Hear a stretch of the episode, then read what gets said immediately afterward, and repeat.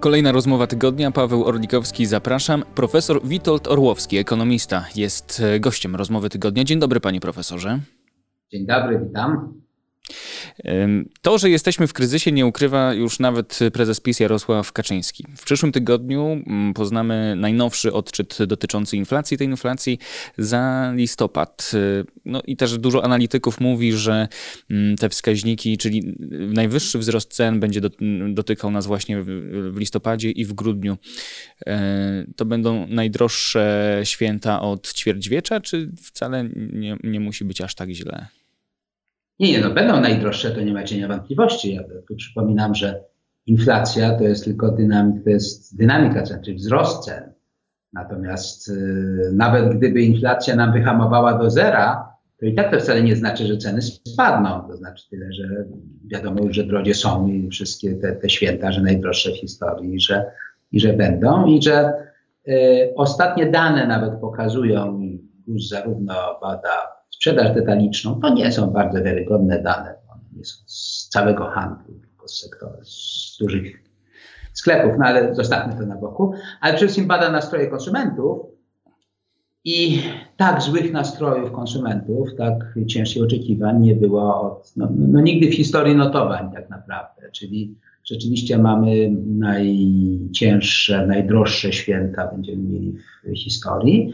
E, przy czym Druga rzecz to jest jeszcze jedno, jak wysokie są ceny, a drugie, że one cały czas rosną i, i będą rosły. I, I, tak jak pan powiedział, to ja, ja wiem, że to tak nie miał pan tego na myśli, to zabrzmiało tak, jakby w listopadzie, grudniu miał być, miał być dalszy wzrost cen, a najwyższy już, a potem już, już, już, już lepiej. Nie, nie, nie styczniu, lutym, marcu szykujmy się na jeszcze gorsze.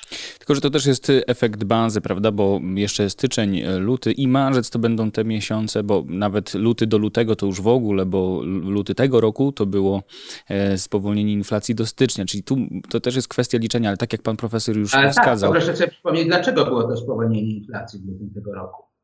Dlatego, że rząd obniżył wtedy, zrezygnował z pobierania y, podatku VAT od, od części żywności, od, jeszcze wcześniej tam od, od paliw i tak dalej. A w tej chwili coraz bardziej przymierza się do przywrócenia tego podatku, czyli ten spadek inflacji w lutym był takim e, właściwie arytmetyczną sztuczką, która spowoduje, że w lutym tego roku, jeśli na przykład w styczniu czy lutym będzie ostatecznie zlikwidowane to, no to nam ceny skoczą dodatkowy z kolei punkt procentowy w górę. Także no, spodziewajmy się wtedy najwyższych wskaźników e, inflacji, natomiast potem rzeczywiście zacznie oddziaływać tak zwany efekt bazy. Efekt bazy polega na tym, że jeśli mieliśmy jakiś e, duży wzrost cen w ciągu ostatnich cena wzrosła jakaś gwałtownie, na przykład gazu, e, to przez 12 miesięcy, jak porównujemy tę cenę, która jest obecnie z ceną przed 12 miesięcy, no to mamy E, duże wzrosty. Natomiast jak w pewnym momencie te ceny pozostaną już na wysokim poziomie, no to inflacja, czyli zmiana cen nam będzie zmniejszać się. Czy może chyba nie, nie powiedziałem tego w jasny sposób. Ceny pozostaną na stałym poziomie, w związku z tym porównanie ceny do ceny sprzed roku będzie pokazywać coraz mniejszy wzrost. Ale to wcale nie oznacza, że te ceny będą niskie, to tylko znaczy tyle, że inflacja nie będzie tak gwałtownie, czy że przyrost ten 12-miesięczny nie będzie tak gwałtowny, więc nie cieszmy się przesadnie tym, że prawdopodobnie po marcu nastąpi jakieś obniżenie stopy inflacji, no pewnie z 20 paru do, do, do kilkunastu procent, bo to będzie głównie efekt bazy, to wcale nie znaczy, że ceny jakiekolwiek spadną. One nadal będą rosły, tyle że wolniej niż poprzednio. No właśnie, i to są dane, za tymi danymi e, są portfele Polek, Polaków. E, to oni muszą mierzyć się z trudami wysokiej inflacji najbardziej. E, no i właśnie to studzenie optymizmu to też jest jakby otwieranie oczu, bo komunikaty, które płyną do nas ze środowiska rządowego, to są takie, że o, w, od drugiego kwartału przyszłego roku inflacja wyhamuje. Czyli tak naprawdę ceny dalej będą rosły, tylko nie z taką dynamiką jak obecnie, ale nadal będą wzrosty. A przecież poza tym, że rośnie najniższa krajowa i o niej później szerzej będę chciał z panem porozmawiać, to wcale te wynagrodzenia tak z miesiąca na miesiąc jak te ceny nie rosną. Czyli tak naprawdę nadal będzie coraz trudniej przeżyć od pierwszego do pierwszego. No, w tej chwili już płace nie, nie doganiają inflacji. Jeszcze pamiętam, że jeszcze chyba 4 czy 5 miesięcy temu premier mówił, że ludzie niepotrzebnie się niepokoją inflacją, bo przecież płace rosną szybciej inflacji, czyli tak jakby inflacji nie była. To jest nieprawda z dwóch powodów. Po pierwsze było jasne, że w którymś momencie ceny wymkną się, to znaczy płace nie będą w stanie ich dogonić. Czyli już to uspokajanie, że przecież nie ma problemu, było nieprawdziwe.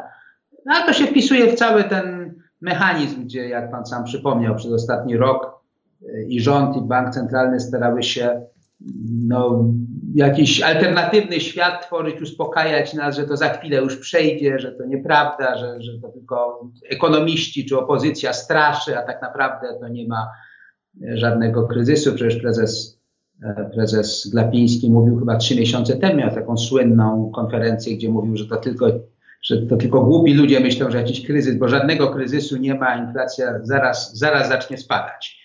No okazało się, że jednak chyba to nie tacy głupi ludzie mówili, że, że nadciąga recesja i że inflacja będzie wzrastała. Ale wracając do tego, e, o czym Pan mówił, no rzeczywiście po, e, w tej chwili już płace nie są w stanie dogonić inflacji, rosną w tempie 13% mniej więcej, no tam między 13 a 15 w ostatnich kilku miesiącach. A ceny, jak wiadomo, już rosną w tempie rocznym prawie 18%, a pewnie w listopadzie będzie, podejrzewam, że będzie kolejny rekord. Z tym, że z drugiej strony trzeba powiedzieć coś takiego.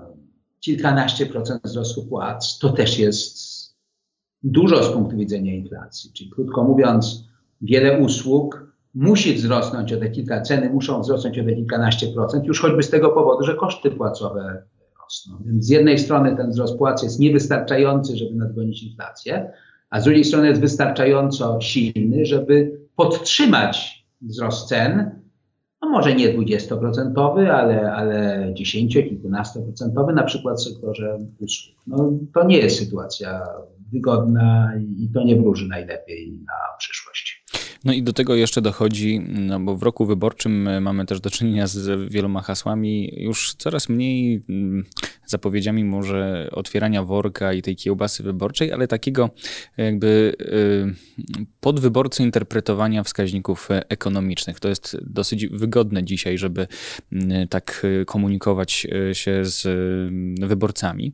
No i na przykład, gdy słyszymy od rządu chwalenie się, że nasze płace to już właściwie doganiają Niemcy i te 3490 zł brutto od stycznia, 3600 od lipca, że to jest taki kraj mlekiem i miodem płynącym i likwidacja biedy. Przecież tam jest wiele takich negatywnych i niebezpiecznych czynników, bo jeśli dziś ktoś zarabia 4000 brutto, a ktoś zaczynał będzie pracę w lipcu, to na start na najniższej krajowej będzie musiał dostać 3600 brutto, to znowu mamy ryzyko e, spirali płacowo-cenowej. Dodatkowo, jeśli ktoś zatrudnia, nie wiem, w zakładzie produkcyjnym 100 osób na najniższej krajowej, no to nie może w nieskończoność przerzucać e, tych kosztów na e, konsumentów, no bo irracjonalne stanie się kupowanie pewnych produktów czy usług, jeśli ich cena będzie za wysoka, więc trzeba będzie albo zwalniać, albo szukać gdzieś oszczędności. A dodatkowo oczywiście kryzys energetyczny i tak dalej. Jest wiele takich mechanizmów, które się zazębiają. No i do tego jeszcze ta nieszczęsna najniższa krajowa, którą rząd się chwali tak jakby to było coś najlepszego, co mogłoby nam się przytrafić.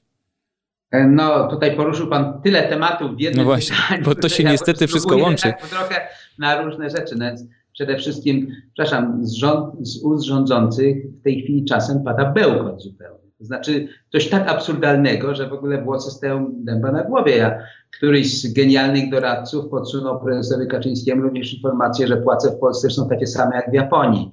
No, że, to naprawdę nie wiem, jak trzeba rozumieć i znać świat, żeby coś takiego stwierdzić. W Japonii płace nominalnie są czterokrotnie wyższe niż w Polsce, po uwzględnieniu różnic w poziomach cen, powiedzmy, że dwukrotnie wyższe niż, niż w Polsce.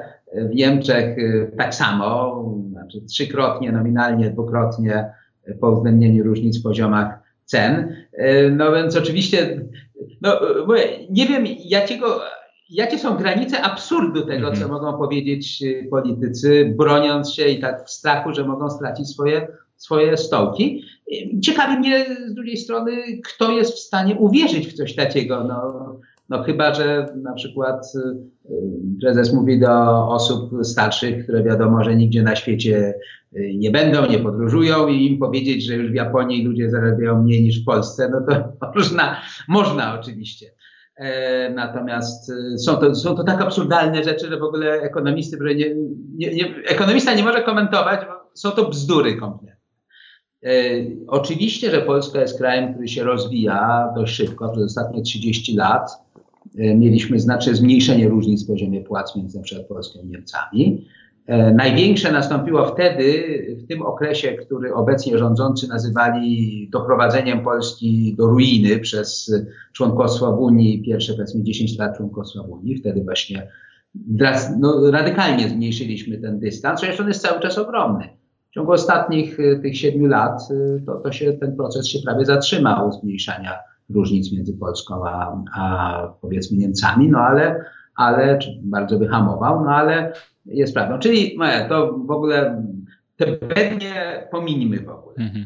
E, natomiast i, i, to, co. Natomiast ja się naprawdę boję tak naprawdę jednego, zanim jeszcze przejdę do spraw płacy minimalnej, mianowicie tego, że powiedział pan rządzący już w tej chwili tak jakby uprzytomnieli trochę, już nie obiecują worków z pieniędzmi. Ja chciałbym być pewny.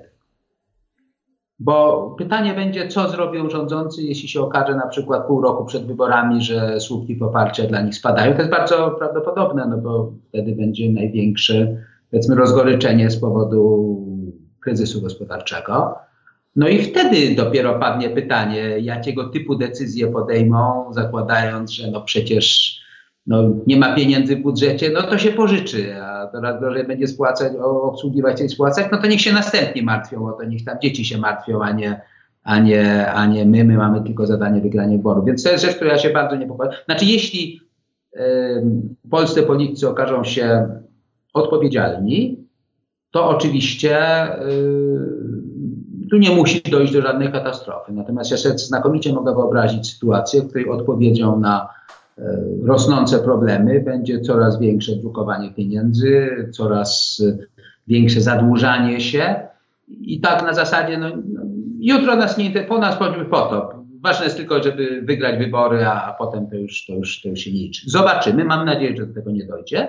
Radzę wszystkim bardzo uważnie to obserwować, bo to, że w tej chwili rząd zaczął trochę studzić nastroje, jeśli chodzi o wydatki, to wcale nie oznacza, że tak samo będzie momencie, jeśli na przykład poparcie dla rządzących spadnie do 20% czy coś takiego. To jest y, taki, taka próba na długi dystans, to znaczy, że teraz, kiedy jest listopad, grudzień, e, sprawdzanie hmm, progu bólu wyborców, progu y, bólu wyborców, żeby zobaczyć, y, no bo tak, tu musimy zdjąć tarczę antyinflacyjną, jeśli limit na ceny gazu, y, to pewnie z kryterium dochodowym. I z drugiej strony wychodzi prezes PiS Jarosław Kaczyński i mówi, że no jest kryzys i z kryzysem trzeba walczyć, to też w kontekście braku waloryzacji 500+, plus, ale też między słowami, między wierszami można dużo w tym wyczytać, czyli już słyszymy komunikaty zaciskane naciskania pasa, to jest pana profesora zdaniem taka, no właśnie, próba progu bólu wyborcy, dokąd możemy zacisnąć pasa i kiedy trzeba będzie ewentualnie, jak się przyzwyczaiło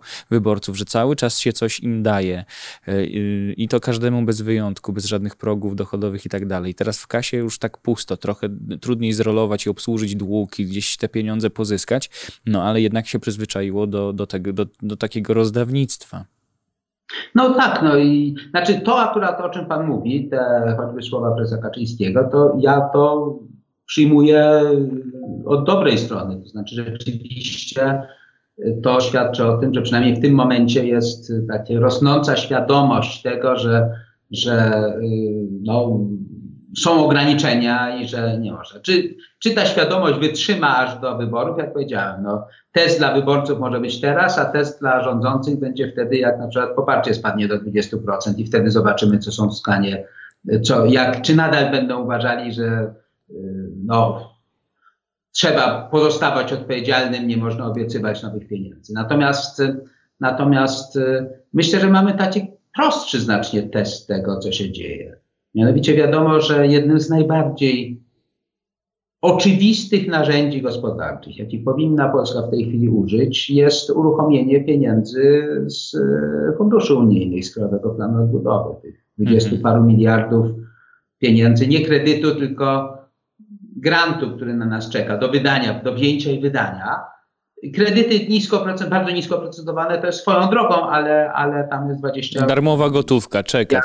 Darmowych pieniędzy na wydawanie. Tak. I e, przecież wszyscy widzimy, że rząd nie może się zdecydować od roku, czy rządzący nie mogą się zdecydować, tylko dlatego, że mają u siebie taką agresywną mniejszość, która szantażuje e, i mówi: Nie godzimy się na żadne e, zmiany w systemie. Ale coś już tam zaczyna pękać. Już... Coś zaczyna pękać wśród, to znaczy widać, rząd zaczyna wyraźniej. Mam wrażenie, że rząd przekonał również chyba Jarosława Kaczyńskiego, że tu może grozić budżetowa katastrofa, jeśli, mm -hmm. jeśli pieniędzy nie będzie. Czyli jest takim najbardziej oczywistym. No pieniądze leżą, potrzebne są, leżą na ulicy. Wziąć i wydawać. No właśnie, ale no jednak trzeba... Natomiast, proszę pozwolić skończyć, tak, tak. natomiast zwróćcie uwagę, cały czas zamiast podjąć decyzję, mamy negocjacje, próby mhm. jakiegoś negocjowania z Unią Europejską, żeby może nie wymagała jednak tego. Najwyraźniej rządzący boją się podjąć decyzje, te oczywiste w kwestiach y, na przykład sądownictwa, bo boją się części swoich y, głosów wyborczych, bo boją się części swoich y, parlamentarzystów itd. Itd.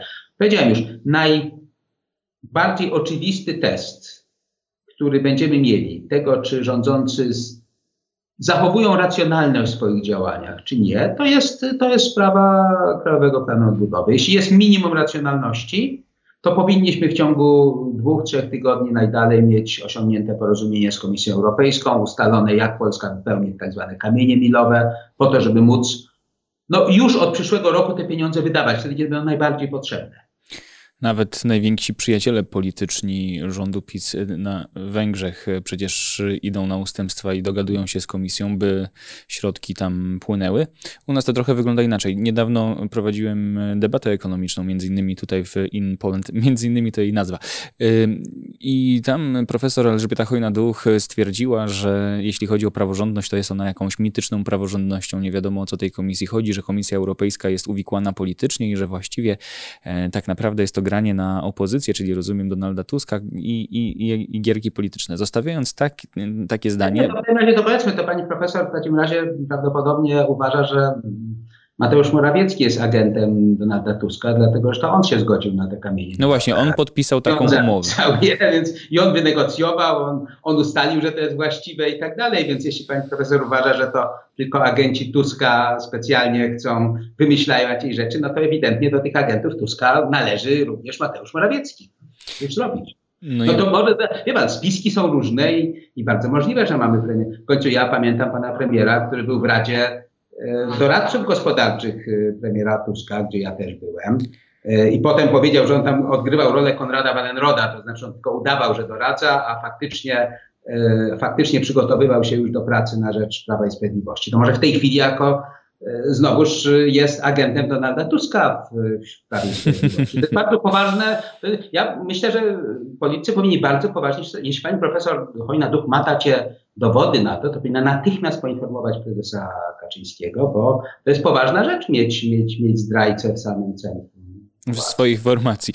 No to idąc tym tropem, premier Morawiecki rzeczywiście podpisał się pod taką umową, pod jaką się podpisał. Wśród kamieni, kamieni milowych o praworządności nie będę dziś rozmawiał. Ale nie rozmawiajmy o tym, ja jestem ekonomistą, więc został. Pani profesor Hojna-Duch jest notabene prawnikiem no powiedzmy, że jej kompetencje do doradzania mm, akurat prezesowi NBP w sprawach gospodarczych są bardziej ograniczone bezprawnikiem, natomiast my rozmawiajmy o ekonomii. Tak, tak, ale tam wśród tych kamieni milowych jest między innymi coś takiego jak e, przejrzystość finansów publicznych państwa, a ustawami jedną energetyczną, a potem zmieniając to kolejną ustawa, ustawą o podatkach, o, o, o w, ściągnięciu podatków z obligacji e, państwowych obsługi obsługiwanych przez BGK i PFR. Y, wprowadza się też y, taki myk ustawowy, czyli wypisuje się właściwie stabilizującą regułę wydatkową. I jak pan profesor patrzy na to, że stabilizacyjna reguła wydatkowa została właściwie wysadzona w powietrze?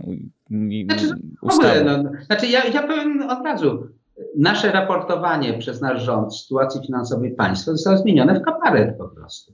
Tam są zupełnie niewiarygodne dane, nie pokazujące rzeczywistej sytuacji. Zostały wykorzystane kruczki prawne, czyli na przykład coś takiego, że istnieje przyjęty na całym świecie sposób mierzenia długu publicznego. No jest ustalone, to ONZ u nas się nazywa metodologią unijną, ale to jest mylące trochę. To ONZ i OECD na początku wypracowało tą metodę. I to jest ten właściwy pomiar, pokazuje, co jest naprawdę wydatkiem państwa i długiem państwa, a co nie. Natomiast myśmy wprowadzili sobie taką zasadę, że my możemy sami ustawowo określić, co jest długiem, co nie. Czyli na przykład, że dług zaciągany przez Polski Fundusz Rozwoju to nie jest dług państwa. Mimo, że on jest gwarantowany przez państwo zgodnie z wszystkimi zasadami, jest długiem państwa oczywiście. No więc jak się zmienia coś takiego? No to jest to jest mniej więcej tak, jakbyśmy w gospodarstwie domowym powiedzieli, że ustalamy ile mamy wydatków, a ile dochodów i czy, czy zarabiamy dosyć na wydatki, ale umówmy się, że wszystkich wydatków na przykład na elektryczność, e, alkohol i samochód, to w ogóle nie zaliczamy do wydatków. Po prostu gdzieś tam na boku i nie interesuje nas w ogóle. No I to wychodzi, że mamy nadwyżkę, to, bo gdybyśmy nie musieli płacić za samochód. Więc tak mniej więcej działa e, w tej chwili polska, e, polska informacja budżetowa. Prezentowane są komiczne zupełnie, ja dlatego nazywam kabaretem. No, jeśli w tej chwili rząd jest w stanie twierdzić, że ma, że ma nadwyżki w budżecie, no to przecież to dowodzi, jaka to jest bzdura, jakie to jest jedno wielkie, no mm. jeden wielki cyrk już w tej chwili. No właśnie, nazywa się to kreatywną księgowością, bo... Nawet to nie jest kreatywna księgowość, to są, to są, to są prymitywne sztuczki, no -hmm. powiedziałem, polegające na tym, że na przykład pokazujemy stan naszego gospodarstwa dochody wydatków, ale ustalamy, ale zakupu elektryczności i paliwa do samochodu po prostu nie wliczamy do tego. Jest Uważamy, że to, nie wiem, anioł, Duch, Duch Święty spłaci za nas i po prostu nie liczymy do naszych wydatków. No mniej więcej w ten sposób no to można pokazać dowolną rzecz. Ja i tak uważam, że rządzący się są bardzo ograniczeni, bo mogli pokazać, że, że mamy jakieś nadwyżki w ogóle kolosalne w budżecie. Oni pokazują tylko, że mamy, no do niedawna jeszcze pokazywali tam 20-30 miliardów. No dlaczego nie 500 miliardów? No, budżet łącznie wydaje Polski 500 miliardów. Jeśli wszystko powiedzieć, że to wszystko nie są wydatki budżetu, tylko spowodować, że będzie to wydawać na przykład Polski Fundusz Rozwoju, no to wtedy będziemy mieli 500 miliardów złotych nadwyżki Tyle, że państwo zadłuża się. W tej chwili sytuacja nie jest jeszcze taka zła, dlatego że państwo korzysta z tak zwanego podatku inflacyjnego, czyli skutkiem inflacji znacznie wyższej od założeń budżetowych. No przypomnę, że my żyjemy w kraju, w którym obowiązuje cały czas budżet, według którego pamięta pan, ile inflacja dzisiaj wygląda, wynosi według założeń budżetu obecnego. Mhm. No, 3,5%. E, plus minus jeden, tak. Mniej więcej według, no poza jakimiś ręcznie zwiększanymi, niektórymi, wydatki idą według no, założenia, że inflacja jest, wynosi 3,5%. Ona, tak. jak pan wie, wynosi 18%, e, co oznacza, że na przykład część sfery budżetowej nie ma podnoszonych płac, w ogóle ma zamrożone płace, no bo przecież inflacja jest tylko 3,5%, no to co to za problem? No to można ścierpieć taki rok, skoro inflacja wynosi tylko 3,5% bez podwyżki płac. Chociaż tak? akurat dla założeń budżetowych założenie niższej inflacji to też jest założenie niższych wpływów budżetowych, to tak też... No, zależy. no i potem się okazuje, że wydatki są założone tak odpowiednio nisko, wpływy się okazują znacznie większe, przy czym mhm. oczywiście, żeby sprawa była jasna, w momencie układania budżetu rząd doskonale wiedział, że inflacja będzie znacznie wyższa. Tutaj to jest czarno na białym.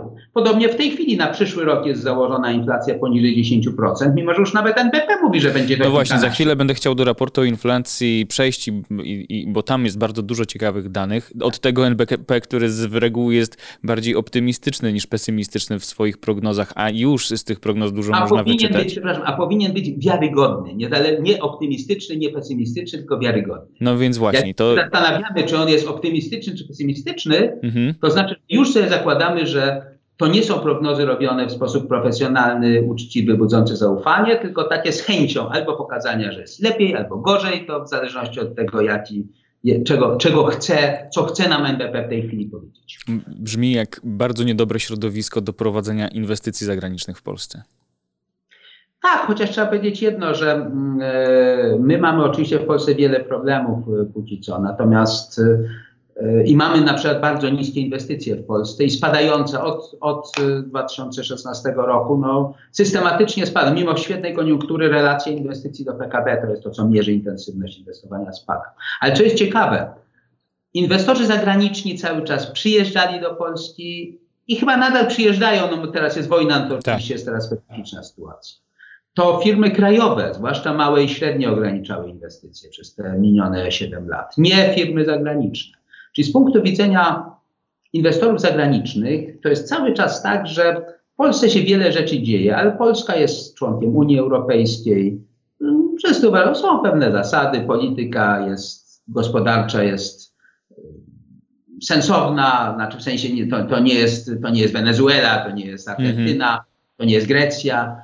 I w związku z tym y, inwestorzy zagraniczni cały czas są trochę zaniepokojeni. Znaczy, to jest moje doświadczenie. No, no poczytają tam w Financial Timesie różne rzeczy już o, o Polsce. Natomiast cały czas się zakłada, że nie, no to mimo wszystko tutaj żadna nic groźnego nie, nie, nie, nie czeka. Można nadal inwestować. Z punktu widzenia inwestora to na przykład jest tak, że jak inflacja jest wysoka, jak płace rosną wolniej od inflacji, no to inwestora to nie interesuje.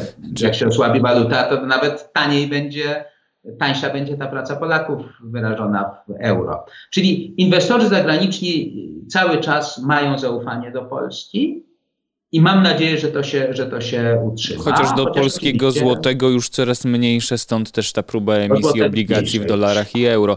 Moim też wrażenie takie, jak słucham tego, co płynie ze środowiska rządzącego, że jest jakaś taka niczym niepoparta wiara, nadzieja czy pewność, przekonanie, przynajmniej tak to komunikują, zachowania statusu quo, czyli że te ratingi zostaną podtrzymane, te pożyczki będą szerokim strumieniem płynęły i jakoś to się uda obsłużyć to zadłużenie i, i e, nie doprowadzać do recesji i wzrostu bezrobocia, ale jest mnóstwo ryzykownych czynników i bardzo trudno przewidywać, co się wydarzy na, choćby w najbliższym kwartale. Już nie mówię o tym, co się naj, wydarzy w najbliższym pięciu, czy dziesię, pięciu latach czy dziesięciu, ale jednak trzeba myśleć do przodu i myśleć, tak jak pan mówi, odpowiedzialnie, racjonalnie i rozsądnie. Wydaje mi się, że tu tego brakuje.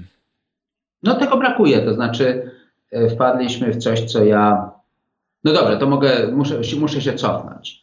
Jakieś 3,5 roku temu. To było zaraz po tym, jak y, mieliśmy budżet w niezłym stanie i wyszło jedno przemówienie przez Kaczyńskiego, które zdaje się dla rządu też było zaskoczeniem, to było przed wyborami, na temat tego, jak się zwiększą emerytury, jak się zmniejszą podatki i tak dalej, i tak dalej. Tak z dnia na dzień, to było w przeddzień, dosłownie w przeddzień wybuchu pandemii, czyli w najgorszym momencie, no bo to było jesienią 2019 roku. Potem przyszła pandemia i to wszystko pogorszyła oczywiście.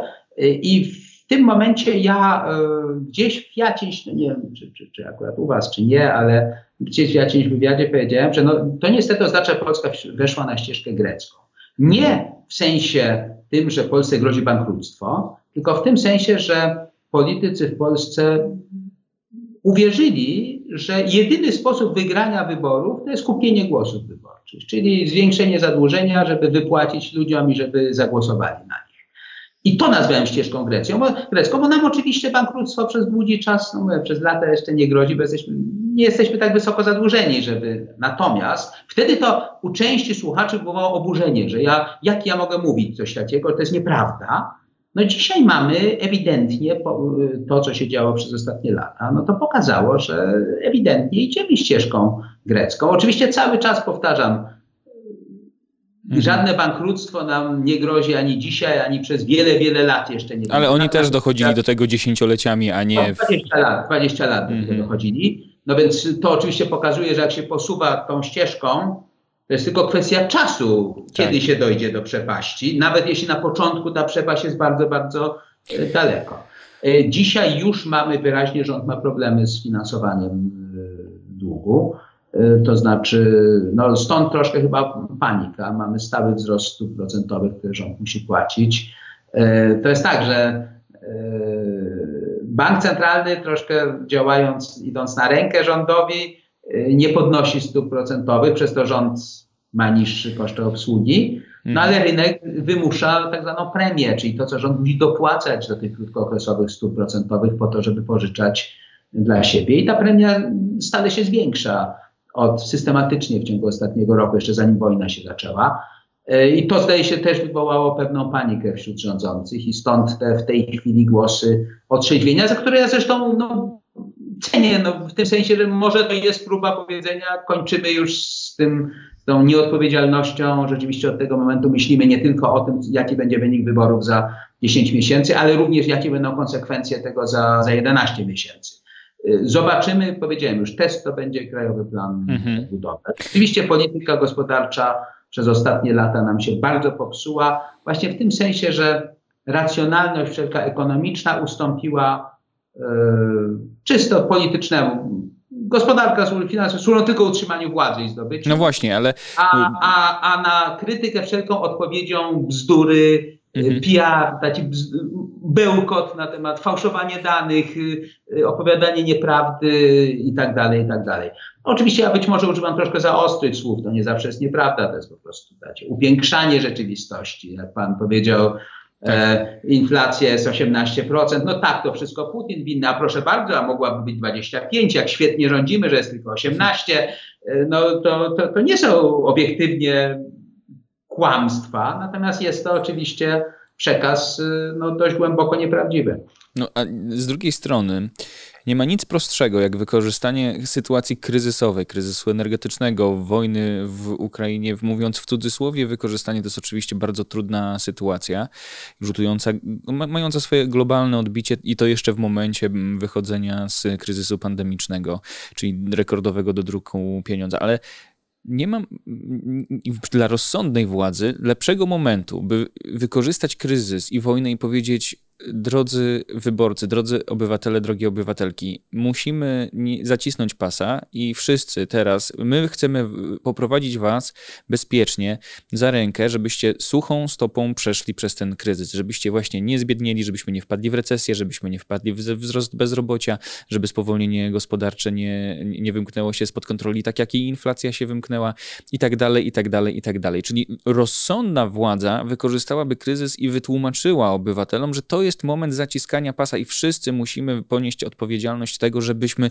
nie musieli zbyt głęboko nurkować ze, z tym spowolnieniem, żeby nie groziła nam recesja i bezrobocie i wszystkie trudy związane z kryzysowymi sytuacjami. A tutaj mm, jest tak, oczywiście trochę spowolnienie zaczynamy już między wierszami czytać, bo prezes PiS Jarosław Kaczyński powiedział e, w mm, środę e, w Tomaszowie Mazowieckim, mogę powiedzieć, mamy kryzys, walczymy z nim możliwie najdelikatniejszymi metodami, bo najprostsza metoda walki z kryzysem to jest zmniejszenie popytu, czyli zmniejszenie dochodów społeczeństwa. My wszystko robimy, by dochody społeczeństwa liczone w sile nabywczej nie spadły lub by te spadki były minimalne. Ale z drugiej strony nie ma, jakby dopiero zaczynają powstrzymywać się z takimi programami dodrukowania, dodrukowywania pieniędzy i rozrzucania ich z helikoptera, co jest tylko proinflacyjne i jakby utrudnia e, gaszenie inflacji i, i, i utrudnia rządzenie w czasie kryzysowym. I po te wybory idzie się z tą kiełbasą wyborczą, a przecież właśnie ten rozsądek i to, to poczucie bezpieczeństwa za finanse państwa powinno być już od dawna, od miesięcy komunikowanie, że to, są, to jest moment trudniejszy, ale po to mamy ludzi kompetentnych, by przeprowadzić właśnie przez ten kryzys suchą stopą. Tego też nie ma. Znaczy, ja mam wrażenie, że prezes Kaczyński jeszcze z miesiąc, dwa temu również był oszukiwany. Znaczy, on mhm. również był przekonany, że jest świetna sytuacja. Troszkę no to jest jego sprawa oczywiście, komu wierzy i jakimi ludźmi się otoczył, ale mam wrażenie, że on również był, kłam, był karmiony kłamstwami na temat tego, jaka jest sytuacja, jaki jest świetny stan finansów i tak dalej. To no gdzieś mniej więcej wiem, była jakaś taka narada y, kierownictwa rządzącej partii, już nie pamiętam, z miesiąc temu i od tego czasu dopiero się raptem zmieniła, zmieniła retoryka. Znaczy ja to cenię oczywiście, bo tak należy robić. Natomiast czy to się utrzyma, już powiedziałem, test będzie jak zacznie spadać poparcie i i czy nadal rządzący będą uważali, że ważne jest to, żeby nie doprowadzić do, do jakiejś tam katastrofy za dwa lata, czy ważniejsze jest to, żeby wygrać wybory za, za, za 10 mm -hmm. miesięcy? Zobaczymy. Ja tylko chciałem jedną rzecz powiedzieć. Obiektywnie, i tutaj trzeba to powiedzieć też na usprawiedliwienie rządzących. Oczywiście, że były błędy w polityce gospodarczej, były i są cały czas popełniane, bardzo poważne. Natomiast obiektywnie sytuacja została oczywiście dramatycznie utrudniona przez to, co się dzieje na świecie, przez, przez, przez wojnę i kryzys energetyczny. I ktokolwiek będzie rządzić Polską za 11 miesięcy, to będzie miał niesłychanie trudną sytuację gospodarczą. I mhm. niesłychanie trudne, trudne wybory w polityce gospodarczej. Natomiast dla mnie, no mówię, ważne jest to, czy przez te najbliższe 10 miesięcy zostanie zachowany rozsądek, który pozwoli. Ja, ja nie oczekuję, bądźmy realistami, no, nikt nie oczekuje od partii, która chce wygrać wybory, powiedzenia, od jutra zaczynamy z przyjemnością. Zabieramy wam tak świadczenie. Dalej, bo zaciskanie pasa, bo, bo za, żeby za trzy lata nie było problemów. No bądźmy realistami. Ja, mhm. ja, ja naprawdę oczekuję jako minimum pewnego racjonalności, to znaczy no, nie podejmowania działań w jawny sposób utrudniających sytuację gospodarczą. Ja rozumiem, e, jeśli prezes Kaczyński mówi, staramy się znaleźć taki złoty środek. To jest zresztą praktycznie nie do zrobienia między walką z inflacją, a, a, a nie, nie pogłębianiem recesji. To jest nie do zrobienia, no bo to, to musi boleć tak czy owak, niezależnie mhm. od tego. Ale rozumiem, że takie dawkowanie bólu, ja, ja to doskonale rozumiem. I co więcej, no jeśli na przykład ktoś mówi, czy Narodowy Bank Polski powinien podnieść natychmiast stopy procentowe i zniszczyć inflację, no moja odpowiedź jest taka, no, no pewnie to by wymagało podniesienia stóp do poziomu 15%, 20%. Mhm. No, Czyli znowu ja terapia szokowa by to była, prawda? Nie należy tego robić. Czyli Mimo, to... że oczywiście obiektywnie nie uciekniemy przed tymi wysokimi stopami, no ale to nie jest akurat moment ze względu na ryzyko recesji potężne, które się szykuje. I wcale nie byłoby pewne, żebyśmy się tak szybko z tej recesji odbili, że... Tak, oczywiście, oczywiście. W związku z tym ja rozumiem oczywiście tę ostrożność i jak powiedziałem, oczekuję jako minimum od polityków mhm. zachowanie racjonalności, to znaczy nie podejmowanie działań, które by pogarszały znacznie sytuację. Nie oczekuję jakiegoś w ciągu najbliższych paru miesięcy, no chyba sytuacja zmusi do tego kryzysowa, no to zobaczymy, ale nie oczekuję jakiejś e, drastycznej, drastycznego programu walki z inflacją. Natomiast mam nadzieję, że nie nastąpi szaleństwo. Mhm. Że Szaleństwo proinflacyjne. Się, drukujemy, yy, do, bo jak mhm. się nie kupi dodatkowych dwóch milionów głosów, to przegramy wybory. Tego, to już może być tak, bardzo niebezpieczne.